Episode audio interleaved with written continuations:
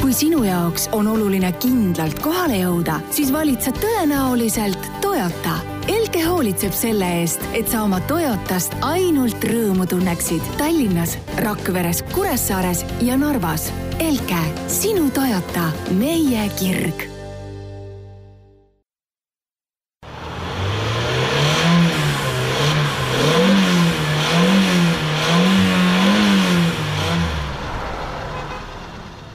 tere kaunist kolmapäeva, äh, mina olen Jan Mattias-Mandri, istmesoojenduse on käes, minuga on siin üle pika aja saates Ülle. tere kõigile ja. juhu, äh, räägime siis tänastest teemadest äh, kõigepealt räägime natukene häirekeskusest, et äh, häirekeskus siin, äh, Euroopa häirekeskused tegid ühe teadaande ja, ja sellega seoses äh, arutame natuke selle üle, et kuidas need autod siis ikkagi häirekeskusega ühendust võtavad, et kes on kuulnud sellisest süsteemist nagu e-call, siis see on siin meil täitsa toimimas ja, ja autod võivad ise häirekeskusesse helistada teiseks teemaks on kõige siledamad teed ja loodetavasti saame natukene rääkida ka sellest, et kus need teed nii siledad ei ole. Äh, kolmandaks teemaks on Uku ja Veli, et see on mingis mõttes ka see põhjus, miks Ülle on siin täna saates. et Uku ja Veli läksid äh, Ühendkuningriiki siis tooma ühte päris huvitavat autot sealt, et natukene arutame selle üle, kuidas sinna minna või tähendab, kuidas nad sinna läksid ja, ja mis auto nad sealt toovad ja miks üldse hobiautot võiks vaja minna Äh, proovisõiduautoks oli Škoda Kamiq, mis äh, sai just äh, värskelt ka Soomes kahe tuhande kahekümnenda aasta auto auhinna. ja nipinurgas räägime turboringidest, et mina näiteks üldse ei teadnud, et need turboringideks kutsutakse, räägimegi natuke sellest, mis need on ja kuidas seal sõita tuleks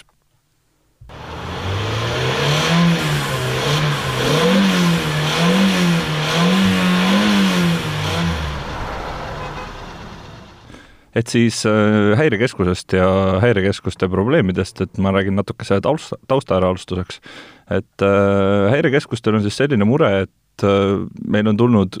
tohutu hulk igasuguseid seadmeid, mis tegelikult tahavad pöörduda häirekeskuste poole, noh, kui me võtame siin mingid sellised kõige levinumad, siis viimasel ajal on igasugu nutikellad ja asjad äh, hästi tavapäraseks saanud, mis, mis siis, ma ei tea, kas noh, näiteks Apple'i kella puhul, et kui sa kukud, siis seal on niisugune andur ja, ja kui sa kukud, siis see, see helistab otse, võtab ühendust häirekeskusega ja, ja pärast seda siis äh, häirekeskus saab vaadata, kas nad reageerivad sellele või mitte. Aga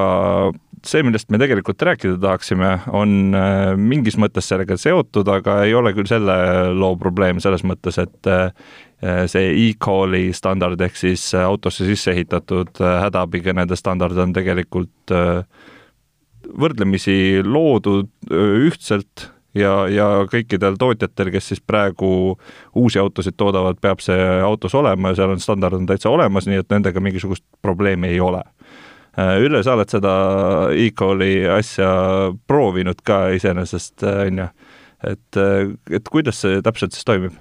tead sa, no neid süsteeme on ju siin enne seda kohustuslikku aega olnud mitmeid, et osa näiteks Opelil oli OnStar süsteem, kus sa pidid helistama Lutooni ja seal andma siis teada, et sul midagi juhtus ja, ja see SOS nupp oli ka laes, aga, aga see e-call käibki väga lihtsalt, et kui sa vaatad autolakke, need uued, millega me nüüd oleme siin sõitnud, muuseas ka, ka Mikka, millest täna on juttu, siis seal laes laepaneelis on see SOS nupp ja inimene, kes vaevalt et auto käsiraamatu läbi loeb, näeb seda nuppu ja kõige rohkem eksimusi ongi äh, tingitud sellest, et siis vajutatakse seda nuppu, et ohoo, mis see teeb. me oleme seda näinud näiteks ka Ringvaate saates, kus minu meelest Jüri Mutika proovis, et oo, mis nupp see siin laes on ja siis hakkas vabandama, et op-op, et ma ei tahtnud tegelikult teile helistada. ehk siis suur osa nendest väljakutsetest on valeväljakutsed. kui ma mõni aeg tagasi äkki kas eelmisel aastal Häirekeskuse käest küsisin, et kui palju Eestis e-kooli peale on reageeritud, siis neid juhtumeid oli päris vähe. ja vist ainult mõni oli selline, mis oli tõesti tõsine ja kuhu tuli välja sõita. nüüd sellel aastal ma ei tea, kas ka Eestis, aga üldiselt on plahvatuslikult kasvanud valeväljakutsete arv, sest et äh, need SOS nupuga autosid on tulnud teele äh, sadu tuhandeid juurde ja see kipubki olema inimlik eksitus, uudishimu või siis ka sõltuvalt seadmetest, mida noh, eri tootjatel on eriseadmed, et siis need seadmed pruugivad ka mingis olukorras natukene ennast segi kammida et noh, neid vigu tuleb ette, nii nagu tehnikaga ikka. jah, et ma ise ka natuke uurisin selle kohta, seal oli vist äh, kirjas, et need andurid, mida kasutatakse, on väga erinevad, et osadel ongi näiteks see, et kui äh, kui sul on juba turva, turvapatjadega mingisugune näiteks tõrge, siis see võib juba kohe helistada sinna ja, ja anda teada sellest äh,. Rääkides juhtumitest, siis äh, mulle tuleb tegelikult meelde üks juhtum, mis oli äh, augusti lõpus sel aastal kus üks purjus seltskond sõitis autoga vastu puud ja, ja nad unustasid ära või ei mõelnud selle peale, et autol see süsteem on ja auto kutsus neile ise politsei ja siis nad põgenesid seal kuskil läbi metsa ja lõpuks äh,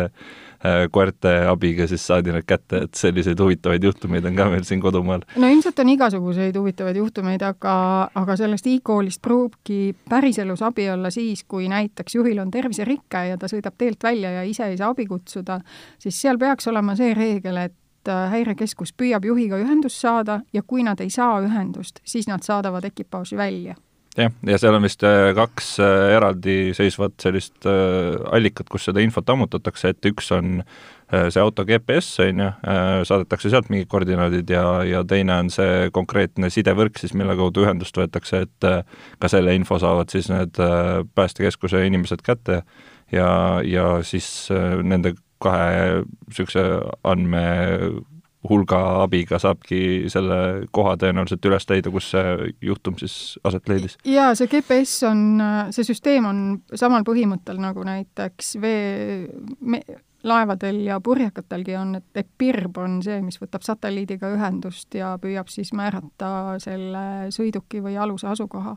et jah, see peaks äh, toimima küll ja, ja ma usun, et päris olukorras on sellest ka päriselt kasu aga nüüd räägime hoopis äh, siledatest teedest, et äh, Acceleristas siin kirjutati väga põhjalikult äh, kõikidest nendest teedest, mis on siis kõige siledamad ja tuleb välja, et kui tahta siledatel teedel sõita, siis tasub sõita Tallinna-Saaremaa vahelt, et seal on see kõige siledam teelõik. aga see vist jah, kuulutati võitjaks, jah? aga äh, ma veel natukene vaatasin ise ja, ja tegelikult Tallinnas sõita, siis on päris äh, hea,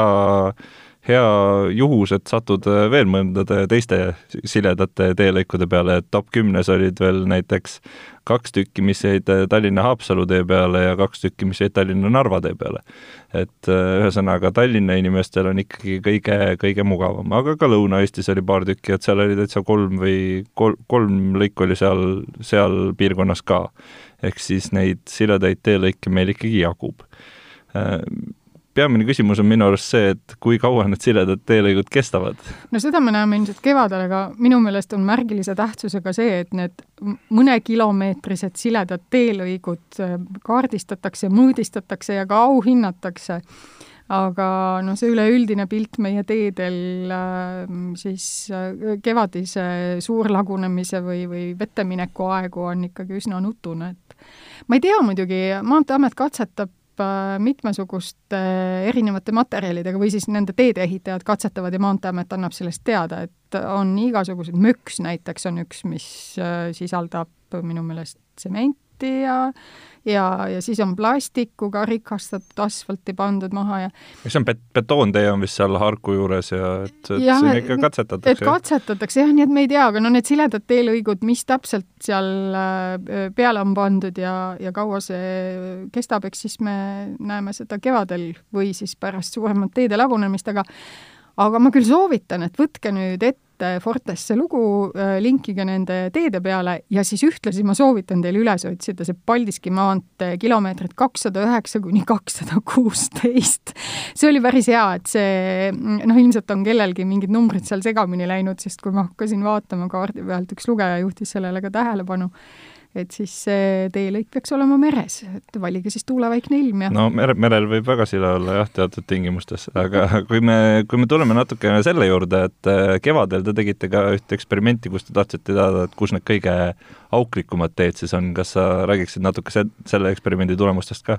jaa, no see esimene, mis äh, kohe silma jääb Tallinnasse sisse sõit-, sõites, on seesama äh, Narva maantee või Peterburi maantee siis äh,, mis on olnud Tallinna häbiplekk, aga muuseas, mida nüüd on korrastatud.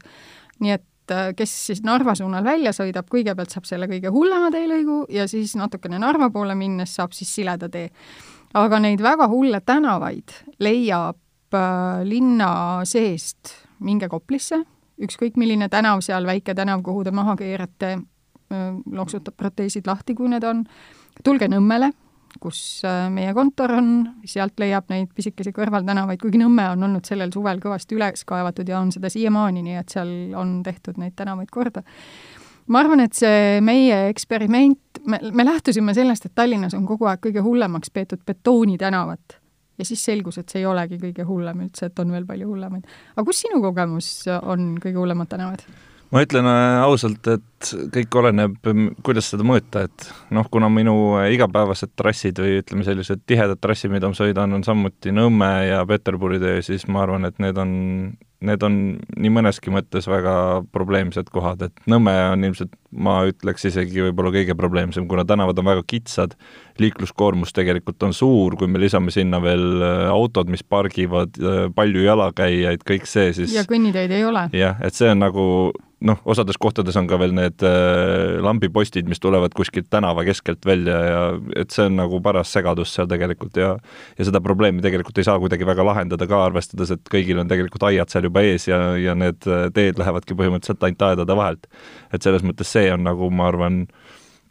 üks kõige probleemsemaid selliseid kohti, millega nagu pole midagi väga peale ka hakata? Nõmmel nagu ka Koplis äh, me sõidame tihtipeale niisama mööda linna ringi ja otsimegi mingisuguseid lahedaid lugusid ja ma olen mõelnud, et äh, õhtuti jalakäijad ja ratturid peaksid kindlasti endale helkuri külge panema või kuidagi ennast nähtavaks tegema, sest nendel kitsastel tänavatel, kus on löökauk löökaugus kinni,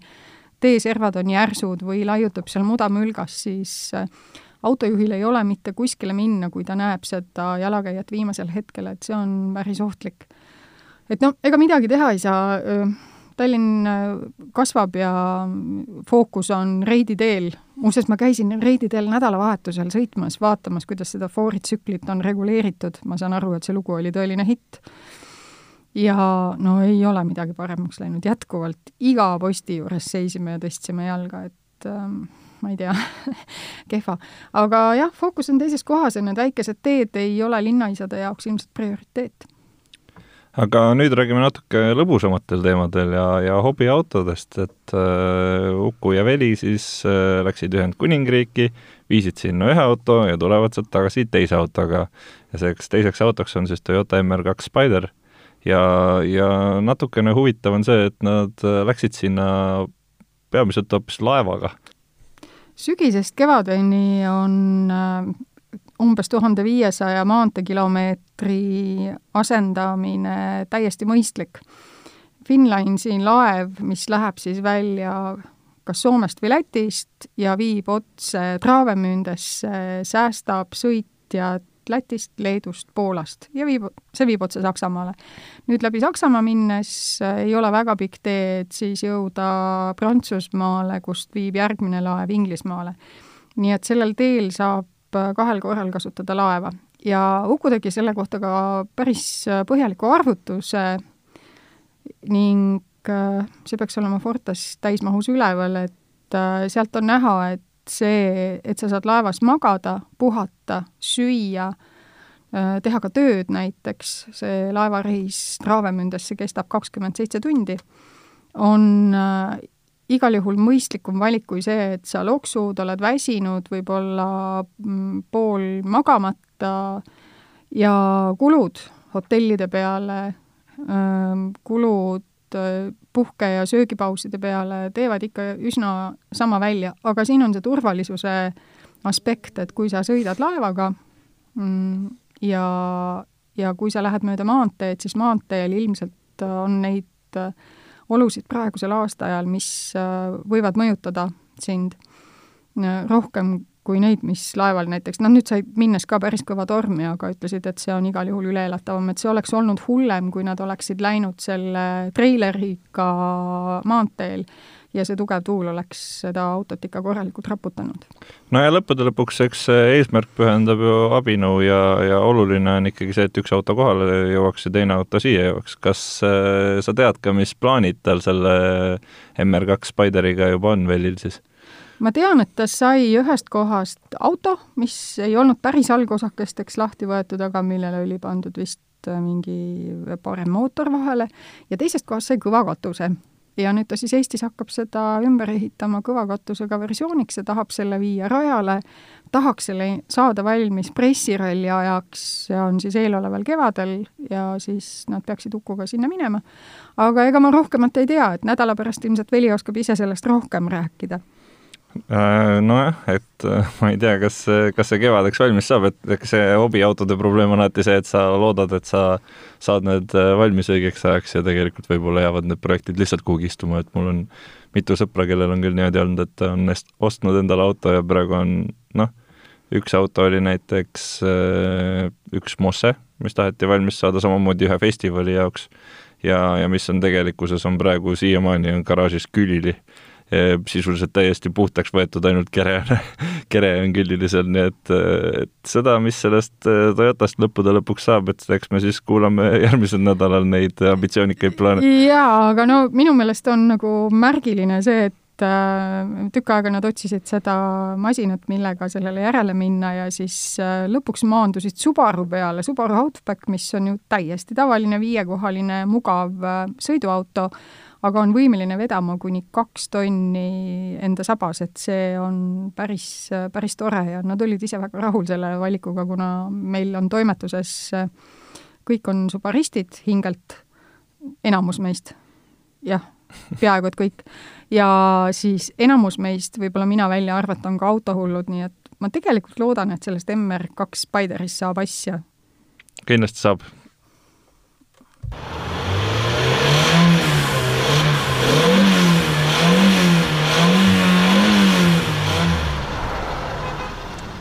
aga nüüd räägime ühest äh, teisest autost, mis ei ole üldse MR2 Spider ja ei ole üldse samal, samaks mõtteks isegi loodud. Äh, nagu öeldud, aasta, Soome aasta auto kaks tuhat kakskümmend ja mina ütlen kohe esimese asjana jälle, et hakkab pihta see meeter üheksakümmend kaks pikk inimese jama, ruumi ei ole me räägime Škoda Kamikist. me räägime Škoda Kamikist, jah. kas sa tead, mida see Kamik üldse tähendab, mis keeles see on tulnud? Ma, ma mäletan, ma isegi uurisin seda mingi hetk, aga eks nende kõikide turundusasjadega on see, et need lähevad lihtsalt mingi hetk meelest ära. valgusta mind. Inuitide keelest, Kanada inuitid ja see peaks tähendama ideaalselt sobiv mm. või väga hästi sobiv. noh, siis on nimi on natukene valesti valitud, vähemalt no, minu puhul. jaa, no see on, aga Kamiki ajalugu iseenesest on ju äh, märksa põnevam, et et ta tuli välja esialgu Hiinas ja jutt oli, et ta Euroopasse üldse ei jõua. Nad jagavad skaalaga platvormi ja kui ma sinna autosse istusin, siis sina meeter üheksakümmend kaks, aga mina olen meeter seitsekümmend ja ma istusin kõrvalistuja istmele ja ma ei tea siiani, kas see iste oli katki või mis, aga mul olid põlved lõua all ja ma ei saanud kuskile ennast liigutada, ehk siis ma istusin seal ees ja mul tuli klaustrofoobia peale. Uku, kes istus roolis, ütles, et temal ei ole nagu mingit häda, et tema mahub ilusti ja kõik on hästi käepärane. ja tagaistmel lapsed ja pärast, kui ma ise tagaistmel sõitsin, siis seal oli ka väga palju ruumi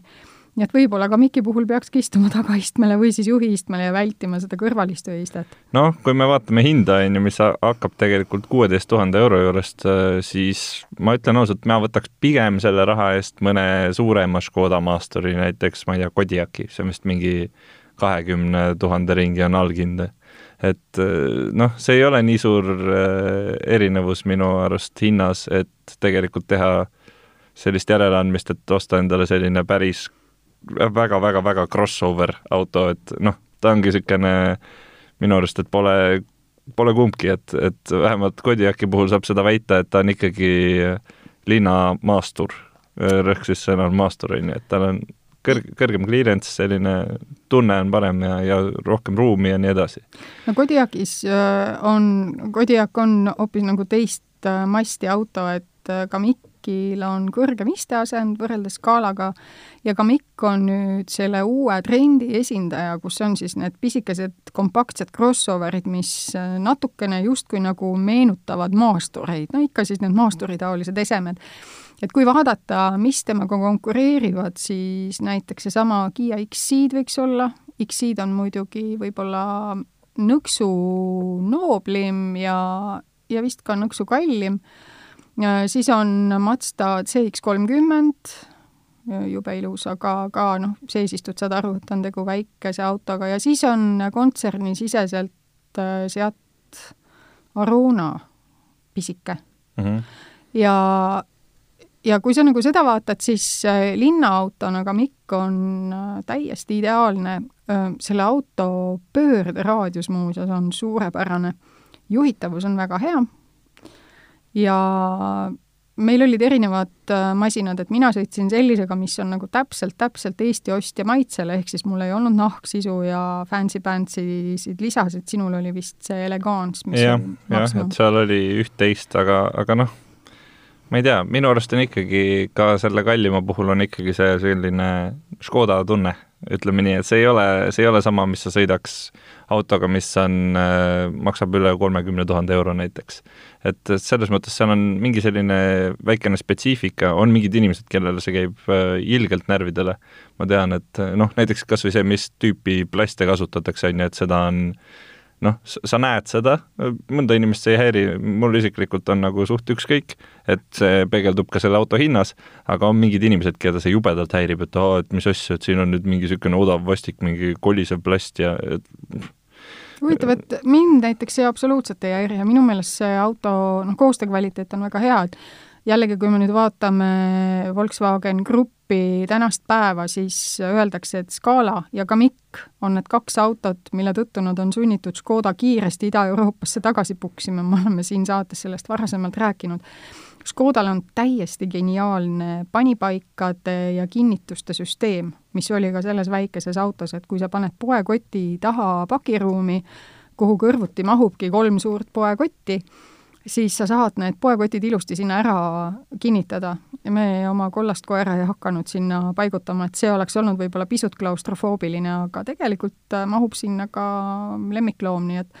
noh, ma ei tea, kui ma mõtlen sellele, kes seda autot kasutab, et see on linnainimene, äh, kes võib-olla vahetevahel läheb linnast ka välja, siis tema jaoks on seal autot rohkem kui küll, hind on hea, äh, olulised lisad on peal, sõita on jube mugav manööverdab väga hästi, isteasend on kõrgem, noh, võib-olla siis ongi rohkem naistele suunatud auto.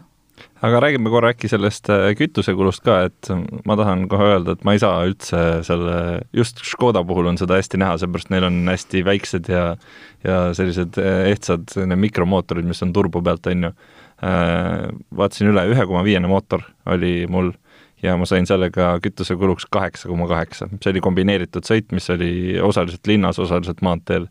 et ma ei, ma ei tea, kuidas see mul võimalik on, ma ütlen ausalt, ma saan enda autoga, mis on, mis on esiteks,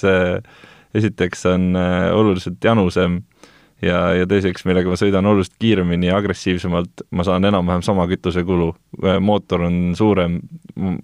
ma ausalt ei tea, kuidas see võimalik on, mis sa kas sa vaatasid, kas, kui palju seal äh, hodomeetril ees kilomeetreid oli, oli ta sisse sõidetud või sisse ei, ei, ma ikka, ma tegin talle selles mõttes, nullisin ta ära ikka enne. aga sa, et sa ei tea, kas tegu oli uue autoga? ta kindlasti oli uus auto, jah, selles ei ole küsimust. no siis võib-olla kasutusaja vältel see sinu sõidustiili juures tuleb natukene alla, sul oli äh, kahe äh, siduriga kast, DSG? jah võib-olla, et enne sind on äh, selle autoga sõidetud pelgalt põhjagaasi pealt ja see, kui kaua auto sinuga kohaneb, võtab aega ja sellest oli kõrgem kütusekulu, et meil on olnud siin proovisõiduautodega sarnast kogemust. meie sõitsime üheliitrise mootoriga autoga ja see kütusekulu oli viie-kuue äh, liitri vahel, kõik möödasõidud said tehtud, ta oli päris reibas, nii et et ähm, noh, ma ei oska öelda, et no ühesõnaga on süüdi teised proovisõitjad, teised proovisõitjad, kes te lähete järgmine kord Škodasse sõitma, palun sõitke rahulikumalt, ma ei saa enda normaalset kütusekulu kätte.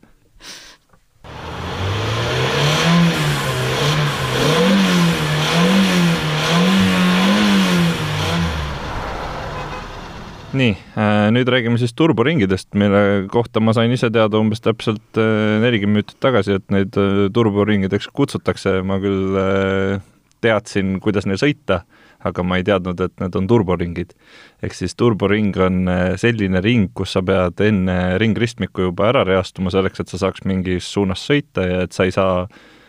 siis poole ringi peal näiteks sõidurada vahetada ja, ja üks eripärane moodus nende tuvastamiseks on see, et äh, kahe sõiduraja vahel on äh, selline punane ala või siis äh, tegelikult on ka see, et Maanteeamet kasutab vist üha enam kõiksugu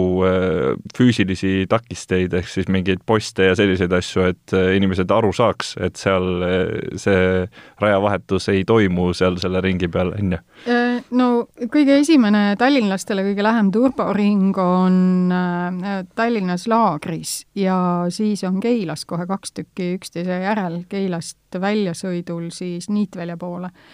ja nende turvaringide kohta me tegime Fortega koos äh, ülemöödunud aastal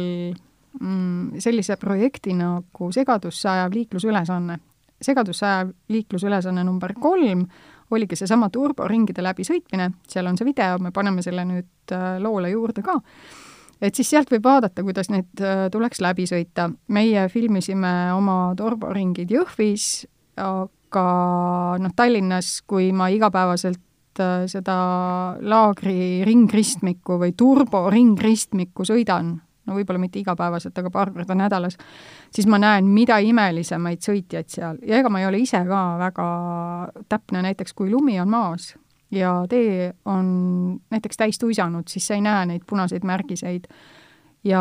mõnikord ma unustan ära selle, et et äh, sa pead kohe alguses valima selle sõiduraja ja siis ma hakkan seal ringi peal vahetama ikkagi, sest no seal on nagu need läbiviigid on nende punaste märkide vahel, siis ma üritan sealt ikkagi minna, see kõik on nii vale, nii vale. nagu enne sai räägitud, siis äh,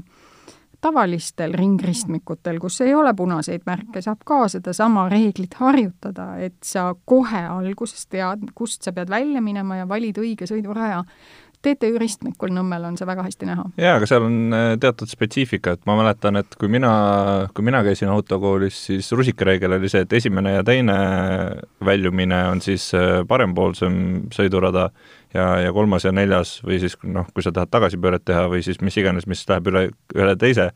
et äh, see on siis vasakpoolne sõidurada, see oli selline äh, üldreegel, aga, aga selle TTÜ ringi puhul on üks kõige tavalisemaid asju on see, et need, kes tulevad sealt äh, magistraalikeskuse poolest, siis sealt saab tegelikult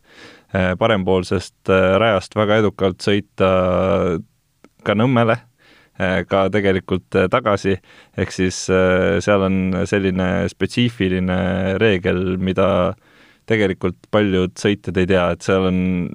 ma ei, ma ei kujuta ette, kui palju seal läbi ajaloo on olnud neid avariisid, sellepärast et keegi sõidab äh, vasakpoolses rajas ja üritab sealt sinna vahele trügida ühel hetkel, kui ta avastab, et aa, et ma tegelikult pidin sinna Nõmme poole sõitma.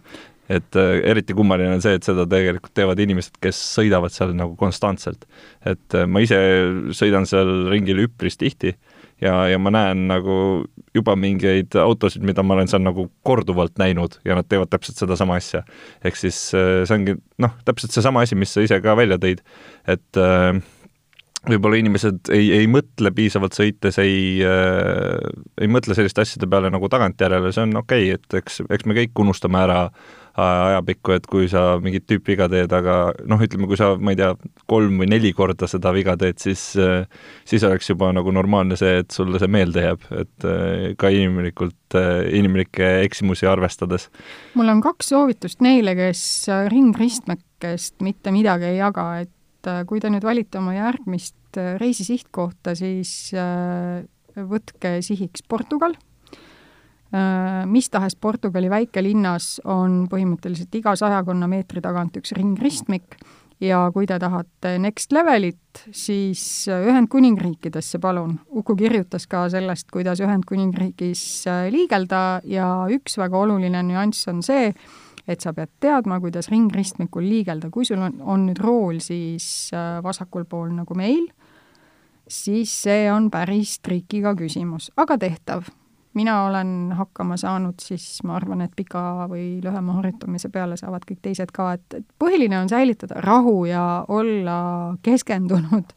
sellele, mida sa teed, et mitte vaadata siia-sinna, et kui sa ütled, et äh, TTÜ ristmikul on väga palju avariiolukordi, siis no mina sõidan seal ka tihtipeale noh, päris isegi mitu korda edasi-tagasi läbi, kui mul on mingeid asju linnas ajada. ja seal on ainukene nõuanne see, et säilita rahu, vaata, kes sul tuleb siis vasakult sisse,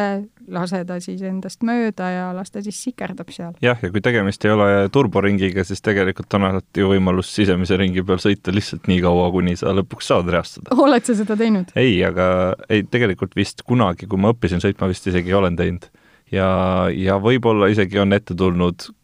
kord või paar, kui on olnud mingi, mingisugune asi kuskil, ma ei tea, kus aga ma arvan, et võib täitsa, võib täitsa olla juhtunud ka lähima paari aasta jooksul. aga noh, igal juhul see on niisugune täiesti lollikindel asi, et sõida rahulikult seal, ega seal keegi sind ära ajama ei tule ja sa võid seal nii kaua sõita, kuni sa saad lõpuks normaalselt reastuda, et isegi kui sa muretsed selle pärast, et noh, ma ei tea, mõni inimene siin võib-olla ei julge reastuda niimoodi ja, ja kontrollida seda, et kas auto ikka laseb vahele või mitte, siis tegelikult sul, seal ei ole mingit probleemi, et sa küll jätad natuke lolli mulje, aga ütleme niimoodi, tõenäoliselt mitte keegi ei, ei, ei mäleta pärast enam, et sina seal autoroolis istusid ja isegi eksami läbiviijad ei pahanda, mul on küll kolmekümne aasta tagune kogemus, kui ma kooli autosõidueksamil äh, ringristmikule nii-öelda kinni jäin, et sõitsingi, ma ei mäleta, kas kolm ringi ja ootasin seda õiget reastumist hetkel, see oli see aeg, kui autosid oli tänavatel täpselt kaks ja mina olin üks nendest. ja sõiduõpetaja ütles ka, et jaa, kõrvalt, noh, ta võttis eksamit vastu koolieksamit, ütles, et sõida rahulikult, võta oma aeg, vaata, et tee on tühi ja siis mine, et mitte midagi ei ole muutunud, ikka see rahulik meel,